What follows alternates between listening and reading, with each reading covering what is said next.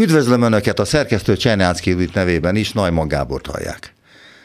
Nem adnak nekünk HIMARS rakétákat, mert halogatjuk a svéd NATO csatlakozás ratifikálását. Mire mi azt mondjuk hivatalosan, hogy nem is kell, sőt, soha nem is kellett.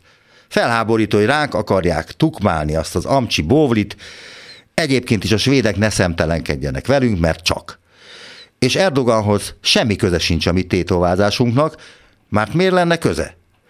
Azt gondolnak a törökök, amit csak akarnak. Ők azt gondolják, mi meg ezt, hogy a svédek vegyenek minket komolyan, meg minden.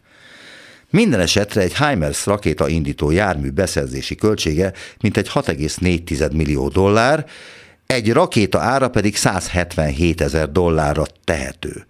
Tehát a kormányzati megszorító intézkedések, amelyek nem vonatkoznak a kormányzati haverokra, a nerlovagokra, nem teszik lehetővé a HIMARS-ok megvásárlását.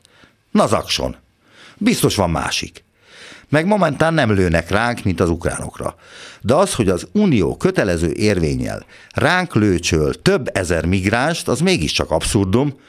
Ilva Johansson, az Unió belügyi biztosa azt nyilatkozta, hogy abban állapodtunk meg az EU belügyminisztereivel, hogy az év végéig meg kell állapítani a migránsok elosztásának módját és az elhelyezését, amelyben minden EU-s országnak részt kell vennie.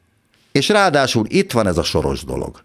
Hiába próbálkozunk meg mindennel, hogy kielégítsük az uniós elvárásokat, jön a soros, és beteszi a küllők közé a botot. Van összefüggés a között, hogy a napokban adta át Soros György a birodalmának az irányítását a fia számára, aki megmondta, hogy direktebben fog politikát csinálni, tehát a Soros birodalom lendült itt ellentámadásba, a Soros birodalom visszavág, mondta ma reggel Orbán nagy haragjában. És mit lehet tenni ez ellen?